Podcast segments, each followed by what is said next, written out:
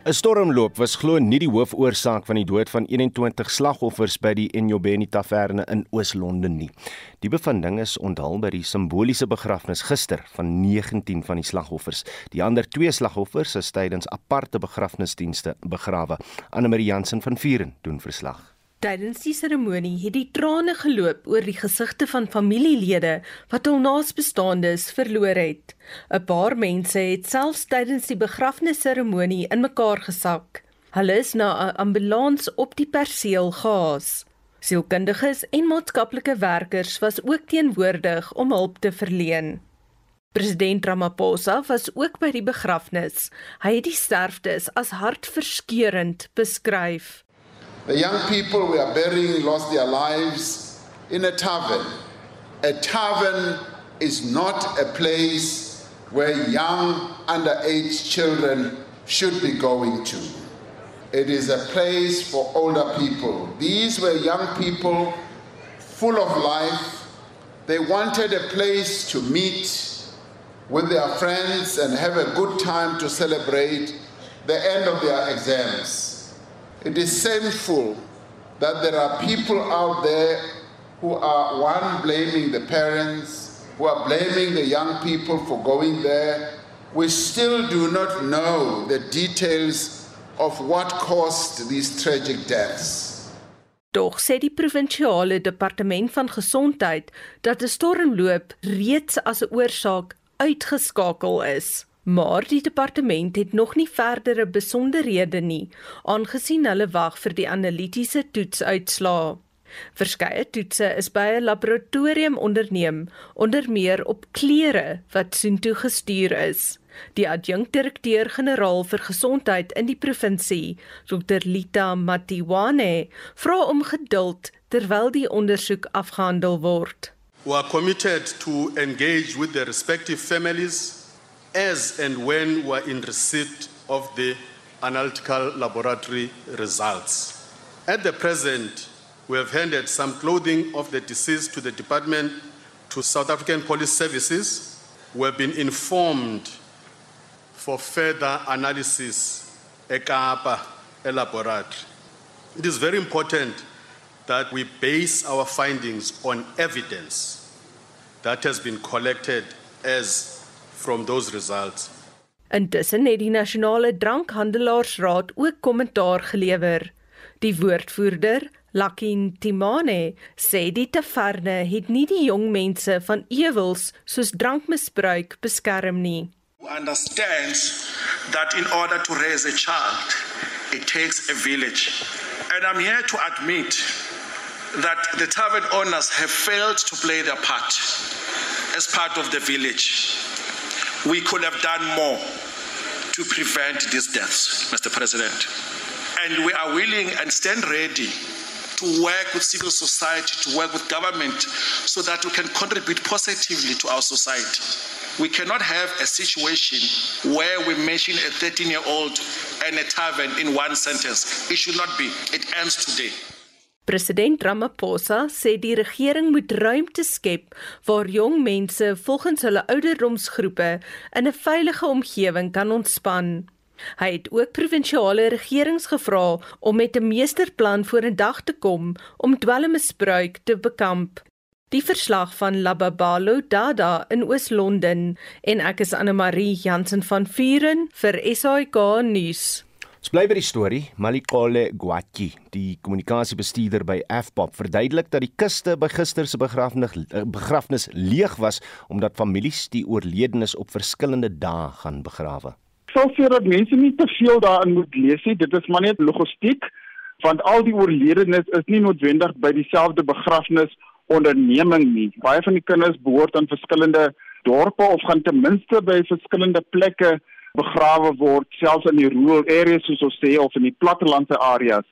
So dit is maar vir logistiek en gemaklikheid, maar twee van die oorledenes is al reeds begrawe, so die 19 kuste is van die oorledenes wat nou oor die volgende paar dae tot in die naweek begrawe gaan word. So daar is geen kulturele simbolieke aan nie en dit sou ook maar net moeilik wees, jy weet dit is 'n openbare diens wat gehou word of so te sê mass funeral So dit sou net moeilik wees en om almal daar te kry, om al die familielede daar te kry en dit is ook maar 'n sensitiewe saak, jy weet dit is 'n openbare nasionaal en jy wil nie noodwendig die kinders en families blootstel aan al hierdie gebeure plaasvind dit nie. Normaal hier is 'n ding wat op almal se lippe hang. As die staat jou begrafniskoste dek, betaal 'n begrafnispolis jou nog steeds uit. In hierdie geval is dit afbop se gemeenskaplike of kom ons sê sosiale bydrae aan die gemeenskap. So in hierdie geval betaal die staat absoluut niks vir ons nie en ons doen dit uit die kom ek sê uit die liefde van die saak of uit ons verbintenis tot ons gemeenskappe want ons sien onsself as 'n maatskappy wat in voeling is met gemeenskappe en wat rondom ons aangaan. So in hierdie geval is daar geen betaling of bydrae wat die staat aan ons lewer nie. Normaal ek en jy weet as swart kinders twee groot word, jou ma of jou ouma of jou tannie mis nooit haar begrafnispolis nie. Hulle betaal dit op datum elke liewe maand. Hoekom is hulle so vasbeslote om dit te betaal? Jy weet wins vandat ek groot geword het om kan ek vir jou een ding sê, jy's 100% reg. Polis en opvoeding of onderwys is twee baie sterk kernaspekte in veral ons gemeenskappe. Begrafnisse is baie duur. Ek kan vir jou dit sê.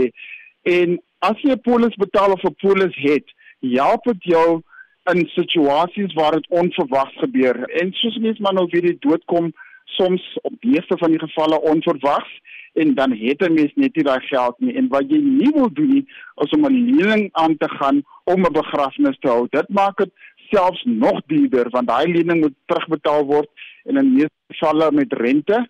So in baie gevalle is daar enkel ouers, jy weet daar's nie genoeg inkomste nie en as jy 'n polis het, help dit jou ten minste op 'n moeilike dag of wanneer daar wel 'n sterfte geval in die familie is. En dit was Malikole Gwatji die kommunikasiebestuurder by Afpop uit met Vincent Mofokeng gepraat. Peperduur brandstof en voedseleis hul tol op die geestesgesondheid van Suid-Afrikaners. Die Suid-Afrikaanse Angs- en Depressiegroep SADAG sê daar is 'n toename in mense wat inbel omdat hulle angstig en depressief is as gevolg van finansiële probleme. Die groep verwag 'n skerp toename op die helplyn na die jongste brandstofprysstygings wat gister ingeskop het. Woedend en vol frustrasie uiter die vrou van Durban haar gevoelens oor die gevolge van die hoër lewenskoste. Sy wil onbekend bly en gee toe dat sy fisies siek word nadat sy haar maandelikse inkopies gedoen het. It's killing us. We went grocery shopping yesterday and I could not believe the prices of the groceries. I actually felt depressed when I left the store because of the cost of certain items that have just inflated over the past month. Die 29-jarige Pakamani Kuzwayo vertel sy storie op die Durbanse kusfront. Hy's 'n afleweringsbestuurder vir 'n aanlyn groothandelaar wat ook oorweldig is deur die hoë pryse van gebruiksware. Gonna suffer more. You remember it was raining high. People don't have houses to stay. Some stress because as the petrol increase, it's always increasing, but the money that we are getting paid at work is not increasing just like uh, petrol. It's giving me too much of stress. Even not only me, even the community who are using uh, public transport, because as the petrol goes up, the money for transport is going to go up as well. Volgens SADC het meer mense die afgelope paar weke op hulle tolvrye lyn vir berading gebel. Die bedryfsdirekteur van die groep is Cassie Chambers. SADAG has, over the last couple of weeks, seen more and more people calling, feeling very helpless and hopeless, dealing with added stresses and triggers with regards to their financial situation, the increase in fuel prices, the knock on effect it has on their families, their households, their jobs, transport, and just their overall well being. Chambers sê baie mense voel emosioneel oorrompel, maar beleef ook fisiese neeweffekte van die hoë stresvlakke. Can they provide food on the table? Can they get to work? Are they going to be able to afford that treatment? Can they get their medication? Can they pay for school fees? These are all real life issues that a lot of our callers are having to deal with. And with all those added extras anxieties, it starts to affect their anxiety, their depression, their trauma. It becomes too much. And they often feel incredibly overwhelmed, incredibly helpless. And stress has physical side effects as well. We're seeing more physical symptoms such as an effect on sleep sleep or eating, uh, well being, feeling motivated or tired the whole time. So, for a lot of people and a lot of our callers, this just feels like it's too much. Sumarinel is 'n voorligtingsielkundige verbonde aan die Noordwes Universiteit wat saam met die Sentrum vir Gesondheid en Menslike Prestasie werk. Sy sê sy sien ook 'n toename in pasiënte wat angs beleef oor die finansiële krisis. Wanneer mense dink aan angs, is woorde soos onsekerheid en beheer dit wat uitstaan. Finansies speel 'n kernrol in amper alles wat ons op 'n dag doen. Ons moet ons rekeninge betaal, kos koop, betaal vir dienslewering en so meer. Hierdie uitgawes is tot 'n mate eintlik onvermydelik en indien jy nie weet of ek by dit gaan kan uitkom nie, laat dit jou met baie onsekerheid, angs en bekommernis. Volgens haar is die meganisme wat angs dryf dit wat 'n mens kan beheer en dit wat jy nie kan beheer nie. Sy sê daar is 'n aantal simptome om na te kyk as jy vermoed dat 'n familielid of 'n vriend moontlik angstig of depressief is. Ons moet oplet na drastiese of merkwaardige verandering ook in funksionering en ons kyk fisiologies maar ook in hulle gedrag en emosioneel. So met angs is daar altyd fisiologiese simptome soos byvoorbeeld hartklopings, kort asem, hoofpyn en so meer en dan die emosies is baie meer negatief, lae gemoed. Ons sien ook lae motivering en daar is in gedrag verandering. Byvoorbeeld hulle is meer geïsoleerd, ons sien ook verandering in eet en slaappatrone en hierdie is simptome wat mens oor 'n tydperk kan agterkom en sien verander. Intussen bevestig Cassie Chambers, die direkteur van SADC, dat hulle in die komende weke nog meer oproepe verwag terwyl Suid-Afrikaners die ekonomiese storm moet hanteer. What we have to look at is building that support and building that resilience and offering free support and services, which is why SADAG's helplines are all toll free, is that we want to ensure that if anyone does need help and needs someone to talk to, that they've got access to that 24 hours a day. So that free service that SADAG provides is crucial. Genevieve Lanka het hierdie verslag in Durban saamgestel. Mitsi van der Merwe, SAK nuus.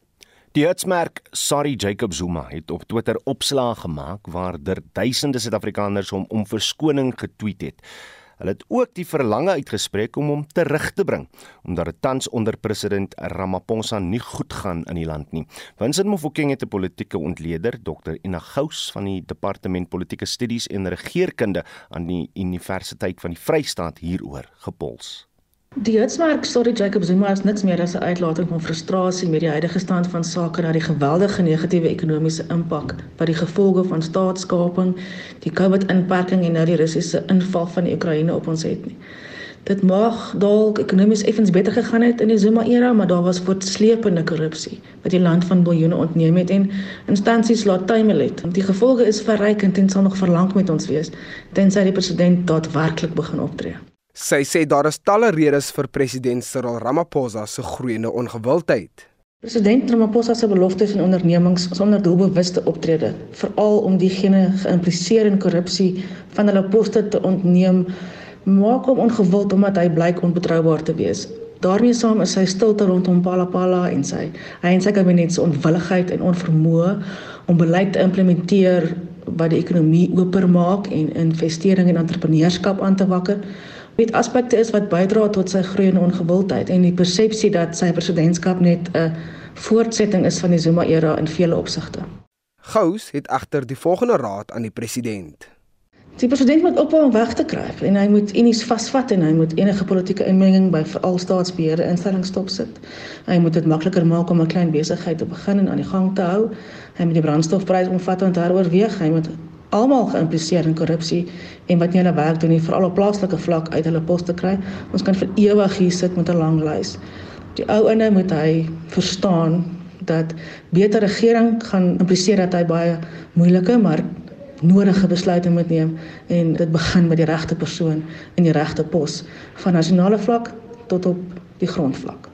Dit was 'n politieke ontleder, Dr Ina Gous van die Departement Politieke Studies en Regeringskunde aan die Universiteit van die Vrystaat.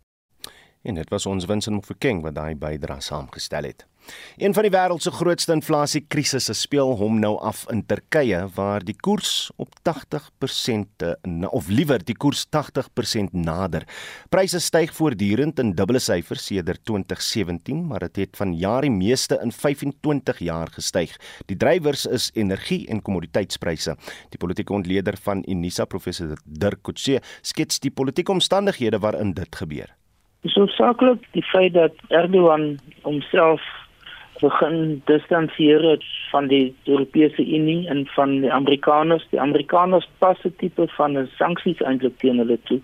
En dit beteken dat hulle 'n groot deel van hulle markte verloor het. Saam daarmee is daar uh, die politieke situasie self, Erdogan is besig om oor tyd nou vanaf 2019 om steen te verloor. Hy moet nou waar met koalisie regerings werk.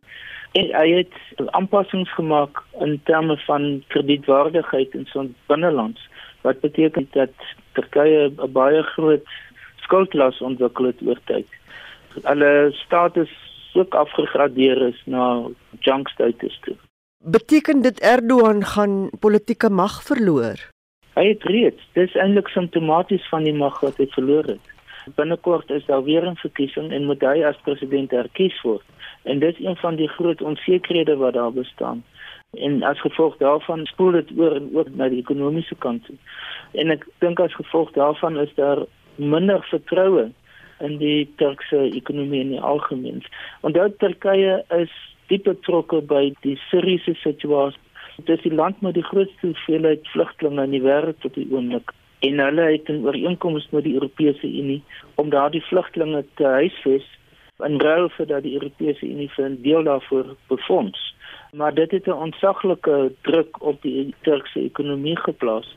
So dit is 'n ander faktor. Die Turkse lira is ook as gevolg van hierdie ekonomiese druk, het baie van sy waarde verloor en Turkye saam met Suid-Afrika en Maleisië, Indonesië en soortgelyke lande is deel van die sogenaamde opkomende markte, die middelinkomste groep lande. Maar hulle het hulle aantreklikheid ook verloor. So daar is nie meer soveel beleggings wat gedoen word in die Turkse ekonomie as wat van tevore bestaan het. Hoekom het die Amerikaners die kraantjies toegedraai? Dit is as gevolg van die feit dat Turkye het onder andere missiele van Rusland aangekoop, die sogenaamde S400 missiele wat die Amerikaners baie omgekrap het. Hulle het as gevolg daarvan net op begin druk plaas om homself te distansieer van Rusland en uit byvoorbeeld invoertariewe op Turkse produkte is in Amerika ingestel wat beteken dat die markte in 'n groot mate vir Turkye begin slegter word het of selfs toegemaak het. Aan die ander kant is dit ook dat Turkye in die oorlog in Sirië 'n dubbelslagtige rol gespeel het en dikwels nie aan die kant van die Amerikaners was nie, maar eerder soms saam met die Russe was en in 'n groot mate wou hulle probeer om die groei van die Koerdiese magte in Sirië te probeer beperk. En dit het uiteindelik as gevolg daarvan net vir al die Amerikaners ekonomies daarop gereageer. Deur byvoorbeeld hulle lugmag vlieëniers nie meer toe te laat om in uh, Amerika opgelei te word nie, sowel as invoer en uitvoer beperkings wat op Turkye geplaas is. Het die Europese Unie gestalte gegee aan hulle belofte dat hulle Turkye gaan help met die Siriëse vlugtlinge? Tot 'n mate ja, en dit is hoekom daar soveel vlugtlinge is. Is dat hierdie stelsel word geïmplementeer. Deel daarvan soms spoel oor na Griekeland toe en dit maak die deur oop vir sommige vlugtlinge om in die Europese Unie in te kom, maar Turkye tot 'n groot mate en die Europese Unie dra by tot hierdie ooreenkoms. Daar is probleemgevalle en dan wat Turkye doen is om die afdwinging daarvan te verminder en so mate dus druk op die Europese Unie te plaas met die vrees dat vlugtelinge dan in die Europese Unie gebied sal inkom. So dit word in 'n groot mate word dit geïmplementeer, maar soos ek sê, dis hier rondom 2-3 miljoen mense wat ter sprake is en dit het 'n ongelooflike groot impak op die Turkse ekonomie. Is daar 'n alternatief vir Erdogan binne sy party en andersins dalk in die oppositie? Ja, dink minder in sy eie party. Daar is 'n hele paar partye wat weggebreek het uit die AK-party, die regerende party van Erdogan. 'n Vorige eerste minister, Çavuşoğlu, Daar's van leidende figure wat nuwe partye gevorm het. So daar is 'n redelike pluraliteit van partye wat nou oor tyd ontwikkel het. Soos ons weet, het die AK-party reeds sy beheer oor die metros verloor. Dit beteken Istanbul, Ankara en Izmir. En die nasionale regering is ook in die vorm van 'n koalisieregering. Professor Derkutse, politieke ontleder van Unisa het daar met Mitsi van der Merwe gepraat. Die Vryheidsfront Plus verwelkom die jongste regulasies wat bepaal dat vuurwapens waarvan die lisensie verval het, tuisgehou kan word terwyl die nuwe lisensieringsproses afgehandel word. Die regulasies is genootsaak deur 'n onlangse uitspraak van die Grondwethof wat bepaal dat die eienaar van 'n vuurwapen waarvan die lisensie verval het, steeds die wettige eienaar bly en nie sy eienaarskap van so 'n vuurwapen verbeur nie. Die leier van die Vryheidsfront eh, Front Plus, Dr Pieter Groenewald. Die Vryheidsfront Plus verwelkom die nuwe vuurwapenregulasies wat bepaal dat jy nou kan aansoek doen vir 'n nuwe lisensie indien jou vuurwapen se lisensie verval het en die belangrike is dat jy die vuurwapen by jou by jou huis kan hou in veilige bewaring. Dit is in ooreenstemming met die grondwethof uitspraak wat bepaal het dat die vuurwapen eienaar eienaar bly van sy vuurwapen. Dit sal die proses vergemaklik en Mense weet vuurwapens waarvan die lisensie verval het, word aangemoedig om dus aansoek te gaan doen. Dit maak ook amnestieperiodes vir die toekoms oorbodig, aangesien daar nou wel 'n geleentheid is om aansoek te doen vir 'n nuwe lisensie indien jou lisensie van jou wapen verval het. Stem daarvan die leier van die Vryheidsfront Plus Dr Pieter Groenewald. Jy luister na Monitor elke weekoggend tussen 6 en 7. 632 in Indonesië. Die DA wil antwoorde hê oor kragvoorsiening aan buurlande. Groot teenstand uh, uit Boris Johnson se eie geleedere en ons praat met Janie Du Plessis oor die talle veranderings aan Saterdag se boksspan wat teen Wallis speel. Bly ingeskakel.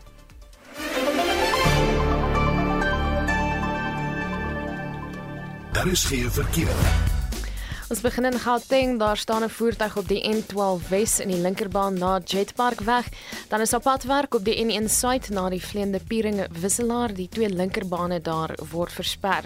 Dan in die Weskaap Kaapstad staan daar 'n voertuig, dis op die N2 stad in by die oprit na die M5 Suid. Linkerbaan daar is nie toeganklik vir verkeer nie. Jy kan verkeersnuus stuur na 45889, dit gaan jou R1.50 kos. Eerste woord verkeer. Julle terugvoer oor die boksspan op Facebook skryf Jan Viljoen kry die springmilies in Biltong reg sit terug en geniet die rare sage wat hier gaan afspeel. Die drie losspelers uh eh, Dutoy, Marcel en Roos gaan marankas maak. Dan Bigger gaan die skok van sy toer kry. En dan skryf uh Louis Bester. Ja, ek's min geskeel. Nee wat, ek het belangstelling in Springbok rugby verloor. Wanneer? Na hy 3 punte oorwinning verlede naweek of hoe. Maar stuur gerus nog van julle terugvoer. Uh julle SMS na 45889 teen R1.50 per boodskap of praat saam op die Monitor en Spectrum Facebookblad. Jy kan ook vir ons 'n stemnota stuur op WhatsApp na die nommer 0765366961. Shaun Jooste staan nog gereed met die jongste sportnuus. Môre Shaun. Goeiemôre Oude. Wat 'n fantastiese dag by Wimbledon was dit nie? Ja nee, Nes Novak Djokovic gister die tweede keer is van jaar ter afhandel ook vyf stelle nodig gehad om sy plek in die halfeindronde te verseker. Nou die Amerikaner Taylor Fritz met 3-6, 7-5, 3-6, 7-5 en toe 7-6 geklop en uh, sy halfeindstryd môre is teen die Aussie Nick Kyrgios en Djokovic stap in die Brit Cameron Norrie op die baan uit. In die vroue afdeling het die nommer 16 van Roemenië Simona Halep 6-2 en 6-4 met die Amerikaner Amanda Anisimova afgereken en haar half eindstryd is vandag teen Elena Rybakina en ons weer van Tunesië speel teen Tatiana Maria van Duitsland. En uh, die oud uh, Springbok rugby speler Ruben Kreer is 'n trotse pappa vanuit die hemel uit as hy nie. Ja, sy uh, 17-jarige dogter Isabella Kreer natuurlik na die kwart eindronde van die Junior Wimbledon Kampioenskap het deurgedring en omdat dink sy moes vir die toernooi kwalifiseer. Sy is ook Suid-Afrika se top vroue speler. Sy is nommer 456 in die wêreld en haar suster Zoe is ook 'n professionele tennisspeler.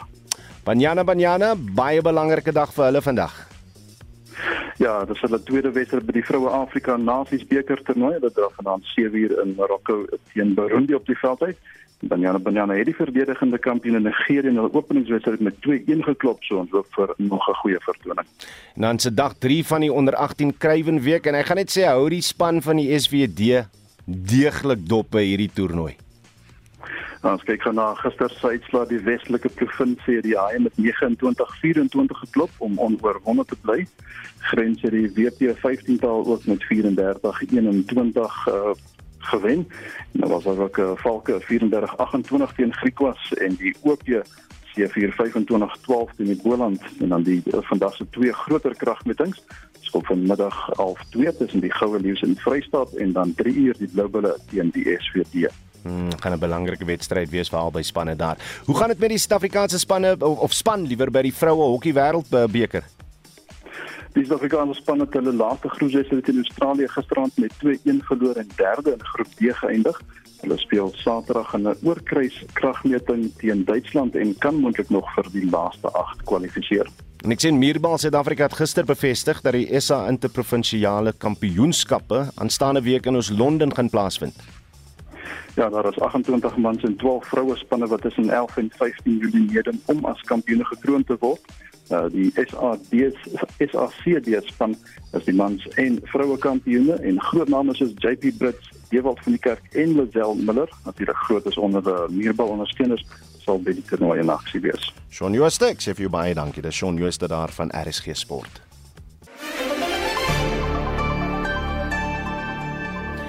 Suid-Afrikaners loop toenemend die risiko om slagoffers van bedrog te word. Dit is die bevindinge van die Southern African Fraud Prevention Service. Die statistiek vergelyk die eerste 5 maande van 2022 met dieselfde tydperk in 2021. Ons praat nou met die uitvoerende hoof van die diens, Mani van Skalkwyk. Môre Mani. Hallo Udo en dankie dat jy my genooi het vir die program. Watter rol speel die ekonomiese klimaat in die tendens en en hoe lyk die tendens as dit nou kom by uh, Suid-Afrikaners wat slagoffers word van bedrog? Ja, weet jy, dankie vir daai vraag. Ons het gesien, soos jy gesê, die eerste 5 maande vergelykende met die uh eerste 5 maande verlede jaar, het die aantal bedrogsake met 96 uh, 97% opgegaan. Ja. Ehm um, dit is ongelooflik. En dan het ons gekyk wat se die top 3 kategorieë wat hierdie uh bedrog uitmaak en die eerste een ek sal bietjie later die detail daarvan gee maar mense wat hulle bankrekeninge uithuur aan kriminele dit het uh met 96% opgegaan.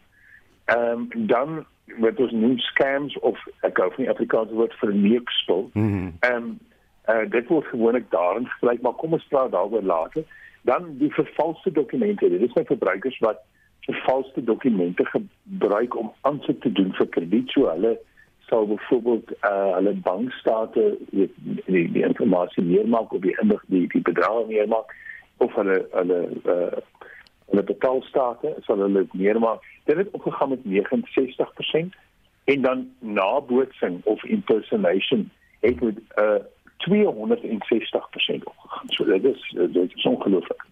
Nee, dit is 'n massiewe neiging. Verduidelik net bietjie die, die uithuur van bankrekeninge, hoe werk dit? Ja. Weet jy, dit is 'n internasionale tendens wat ons sien skiet op.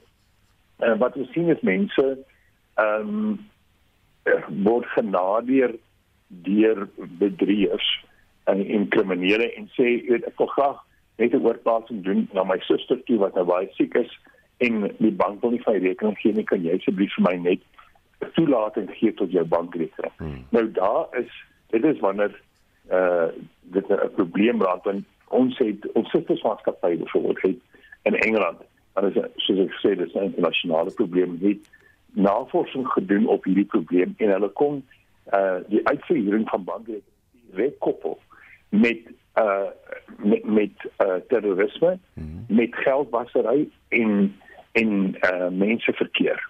So dit is 'n uh, dit is nie so uh dit so, so innocent as wat mense dink dit is nie. Ehm um, definitief 'n baie groot probleem wêreldwyd maar Suid-Afrika uh soos ek gesê verdubbel omtrent van die eerste 5 maande van van verlede jaar. En watter provinsies in Suid-Afrika is dit die ergste? Weet jy ons sien eh uh, Gauteng sit met 62% van die van die bedrog. Ehm um, en dit het gestyg met 117%. Uh, KwaZulu-Natal 18% en opgestyg met 106%, maar interessant, die Weskaap wat uh 8% is, so dit is nie so baie nie, maar het opgegaan met 133%. Hmm. So dit is 'n is 'n groot sprong. Ehm um, ons kan nie ons vinger daar bly waar dit vandaan kom nie, maar uh definitief meer bedrogsaake wat in die Weskaap voorkom. Maar nou maar nie is dit is dit nou mense wat wat op plaaslike vlak op tuisbodem werk met internasionale syndikaate of of of hoe? Weet jy dis dis 'n dis 'n kombinasie van goed. As ons byvoorbeeld kyk na die nabootsing waar iemand nou jou dokumente gebruik. As ons nou kyk na die verskillende data uh breaches wat gebeur het die afgelope paar maande. Ehm um, daar is data gesteel. Jy weet en en daai data word verkoop en so daai is nie net net 'n plaaslike persoon hmm. wat wat nou 'n tekort aan geld het. Dit is definitief syndikaate wat die data steel en dan probeer hulle jou weet die enigste rede hoekom mense data steel is omdat dit aan geld maak bly. En daar's twee maniere hoe hulle kan geld maak. Hulle kan of nuwe rekenings oopmaak in jou naam hmm. of hulle kan jou bestaande rekening probeer oorneem. En maar daarvoor het hulle meer data nodig. En miskien kan ons net vir verbruikers verduidelik hoe die hoe hulle te, te werk gaan en jy weet hulle sal gaan gaan skakel. Ja. Ja, hulle hulle sal jou skakel van die bank af en uh of asof hulle van die bank af skakel en sê meneer van Skalkwyk uh ons sien jy woon hier en dit is jou telefoonnommer en dis jou e-posadres en dis nou die data wat hulle gesteel het. En ons bel van die bank af om net vir te waarsku daar's 'n groot debietorder van jou rekening wat afkom kan moet moet dit vir stop. So onmiddellik sal ons natuurlik almal sê ja en dan begin hulle met vrae vra. Um, om om daai data stel te voltooi hmm. om dan daai rekening oor te neem. Dan sal hulle sê, "Jong, my stelsel het net afgegaan. Kan ek asseblief gou net uh, jou bankrekening nommer weer kry?" Nee. Of ja, ja, ja, en en daai daai lyn. So so is dis nou 'n daai lyn wat dit aangaan. Ja, aan aanlyn uh, bankwerke dit is gedoen om om dinge te vergemaklik, maar dit lyk my ons ons lewe nou in 'n wêreld waar jy maar by die bank moet gaan instap waar jy nie 'n skakel op op e-pos moet oopmaak nie waar jy, jy ook nie enige ja. antwoorde oor jou persoonlike inligting uh, uh, uh moet entertain op op op 'n telefoonlyn nie.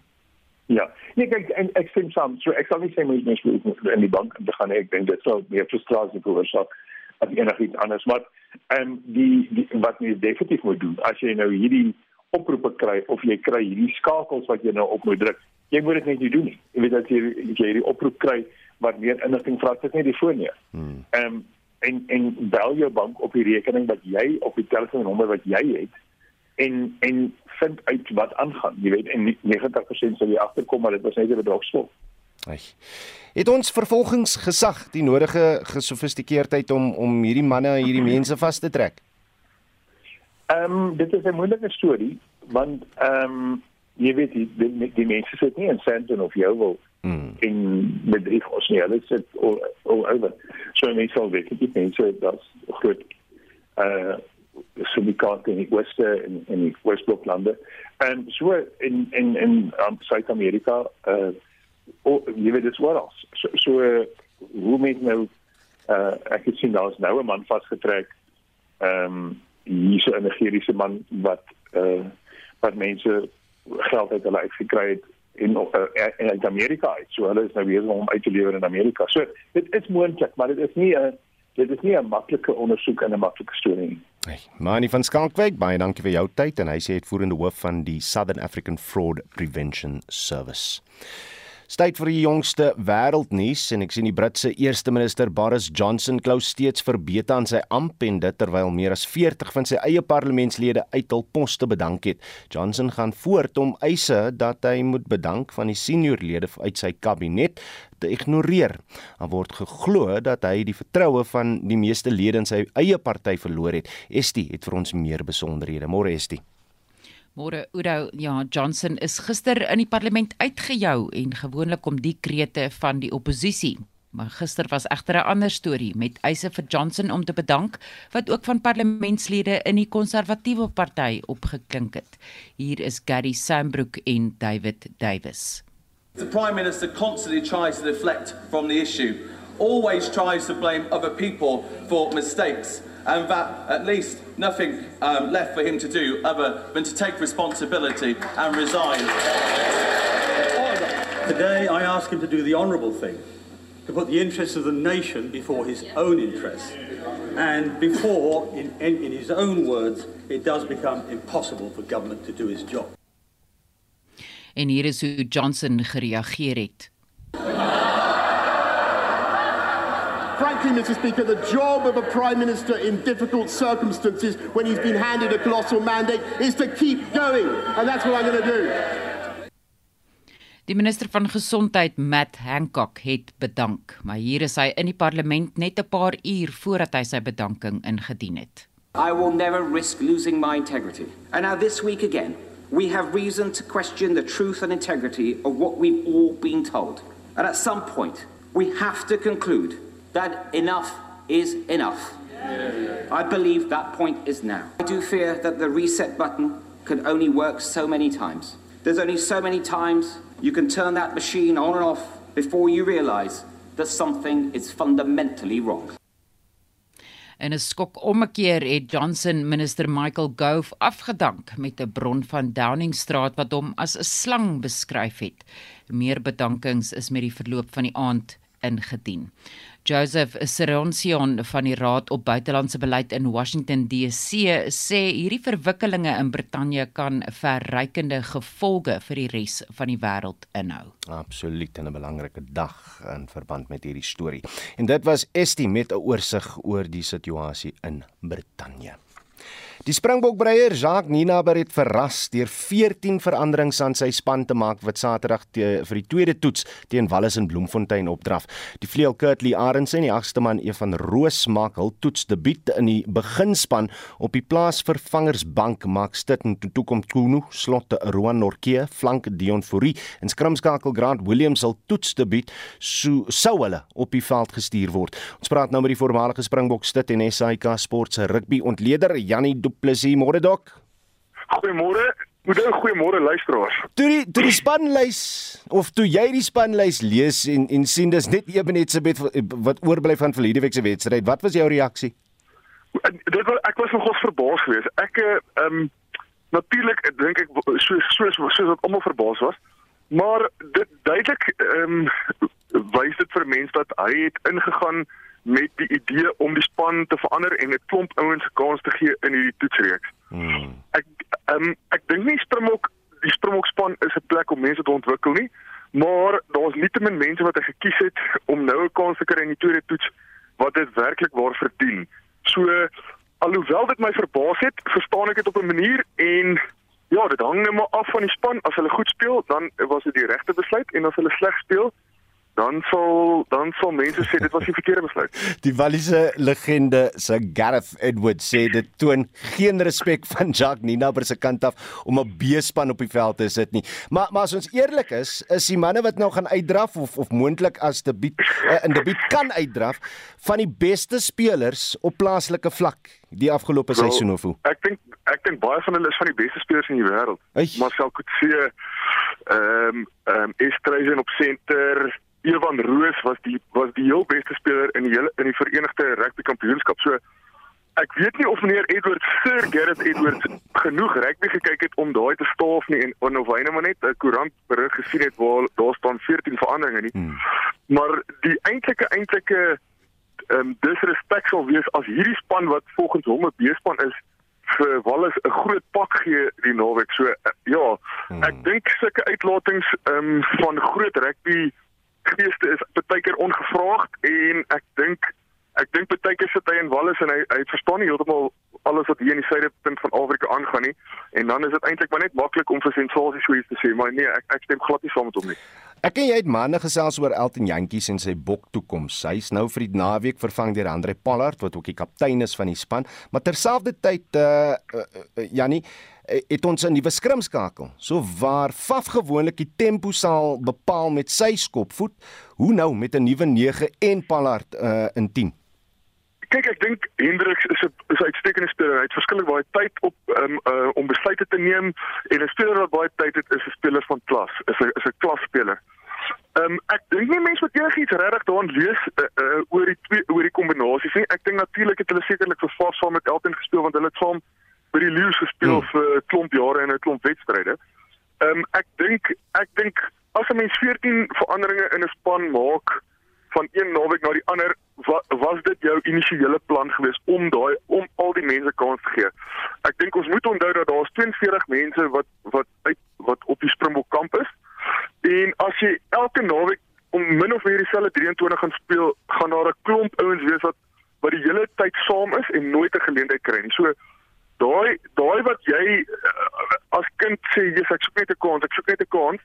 Ek dink Jock Hinover het nou vir 'n Jaden Hendricks, 'n Grant Williams, 'n 'n uh, Mtuno en 'n uh, Roan Orkee, Evan Roos. Ek bedoel dit is 'n klomp ouens wat wat wel verdien, hmm. 'n kans verdien en nou is hulle kans. So nou moet hulle goed speel en sê hoor hierso, hier is ek. Jy kan my weer kies. Vir my is Pieter Steff se terugkeer hierdie naweek massief. Na wie sien jy die meeste uit om te sien op die op die veld hierdie naweek? Hoor jy, ek sien baie uit om vir Pieter Steff te speel te sien speel want ek dink hy is amper kwaad oor, oor, hoe hoe hy so lank lank gespeel het. Hmm. Maar my persoonlike uh, die een waarna ek die meeste uitsien is Marcel Coetzee.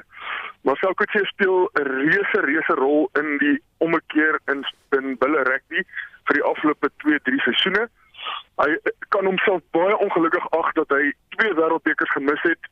Ehm um, een deur besering en en 2015 het hulle hom nie het hulle hom nie gekies nie, maar Hy is 'n wêreldklas speler en hy verdien ook sy kans. So ja, ek sien baie uit om vir Marcel Coetzee te sien speel. Nou moet ek jou vra, die op die betaalkanaal het almal hy voormalige spelers en ontleeders gesê en jy bokke met 20 punte, bokke met 12 punte. Was dit een ontleder wat gesê het bokke met 5 punte. Hierdie naweek, wat is jou voorspelling? ek ek was een van hulle wat bokke gaan met 20 punte wen. Dit wys hoe verkeerd kan jy wees. Ja. Ehm um, nee, ehm um, hoe ek dink die bokke die Springbokke gaan wen. Ek dink kontinuïteit gaan 'n bietjie van 'n probleem wees want baie min van daai ouens het al saam gespeel. Maar op die einde van die dag ehm um, die kontinuïteit in die eerste toets was ook nie goed nie uh, tussen ouens wat al baie saam gespeel het. So ek dink as hulle daai daai ehm um, daai trappie ehm um, kan oorkom, dan verwag ek dat ons beter sal speel en dat ons verder sal wen. En dit was Janie Du Plessis. Baie dankie vir jou tyd, die voormalige Springbok stit en SAIK Sport se rugby ontleder. Damvlakke is landwyd gemiddeld 93,4% vol, maar daar is gebiede wat steeds kommer wek. Vincent Mofokeng doen verslag. Altesaam 6 provinsies het 'n toename in damvlakke aangeteken. Die Vrystaat het effens gestyg van 100,7 persentasiepunte tot 100,8. Gauteng het ook 'n toename aangeteken. Damvlakke in die provinsie is op van 100,2% tot 100,8. Limpopo se damvlakke staan op 88,4% en Mpumalanga op 95,2 en Noordwes op 81,2. Die Weskaap het 'n noemenswaardige stygings aangeteken van 56,8% tot 59,1%. Die departement van water en sanitasie se woordvoerder, Sputnik Ratau. The dam levels nationally are at 93.4%, which is almost similar to where we were last week because we were at 93.3. Dit lyk egter nie goed vir die Nelson Mandela Bay Metro nie. Volgens Ratau is net 3% van die water in daardie gebied nog bruikbaar. what we are seeing is that even though there is a bit of an upsurge, it is not such that we can say we are out of the woods because when you look at the collective available water that we can use, we are still just below 3%. So the situation is still tight. Die provinsies wat 'n afname in damvlakke aangeteken het, is die Oos-Kaap, KwaZulu-Natal en die Noord-Kaap. In the Eastern Cape, the dams that feed the Algoa Bay water supply system are still a concern. We were at Churchill Dam, which has uh, really, really declined to really concerning levels. We know that Kuha Dam is also, although we are still able to pump some water out of there, it is also critical, and that is why we are moving the budgets closer to another area where we can still be able to abstract so that we can continue to abstract. We are abstracting, but obviously obviously the levels are very very concerning. Dit was Sputnik Ratau, die departement van water en sanitasie se woordvoerder. Ek as Vincent Mufokeng vir SAI Garnis. Daar is geen verkeer. In Gauteng staan daar 'n voertuig op die N12 Wes in die linkerbaan na Jetpark weg. Dan sou pad werk op die N1 suid na die Vleende Piering Wisselaar. Twee linkerbane daar word versper. Dan in die Weskaap Kaapstad staan daar 'n voertuig op die N2 stad in, dis by die oprit na die M5 suid en die linkerbaan is versper. Verkeersnuus uit Mpumalanga, die R3 ehm um, eerder die R538 is versper tussen die N4 en die Kruger Internasionale Lughawe. Op Twitter word die verkeersnuus begelei deur die hitsmerk Mbombela Shutdown en dan in KwaZulu-Natal is die R33 tussen Greyton en Dundee gesluit vir verkeer dis weens betogings in Keitsdrift. 'n Vragmotor het dan ook in Utrecht omgeslaan. Dis op die R34 en die pad daar is gesluit vir verkeer.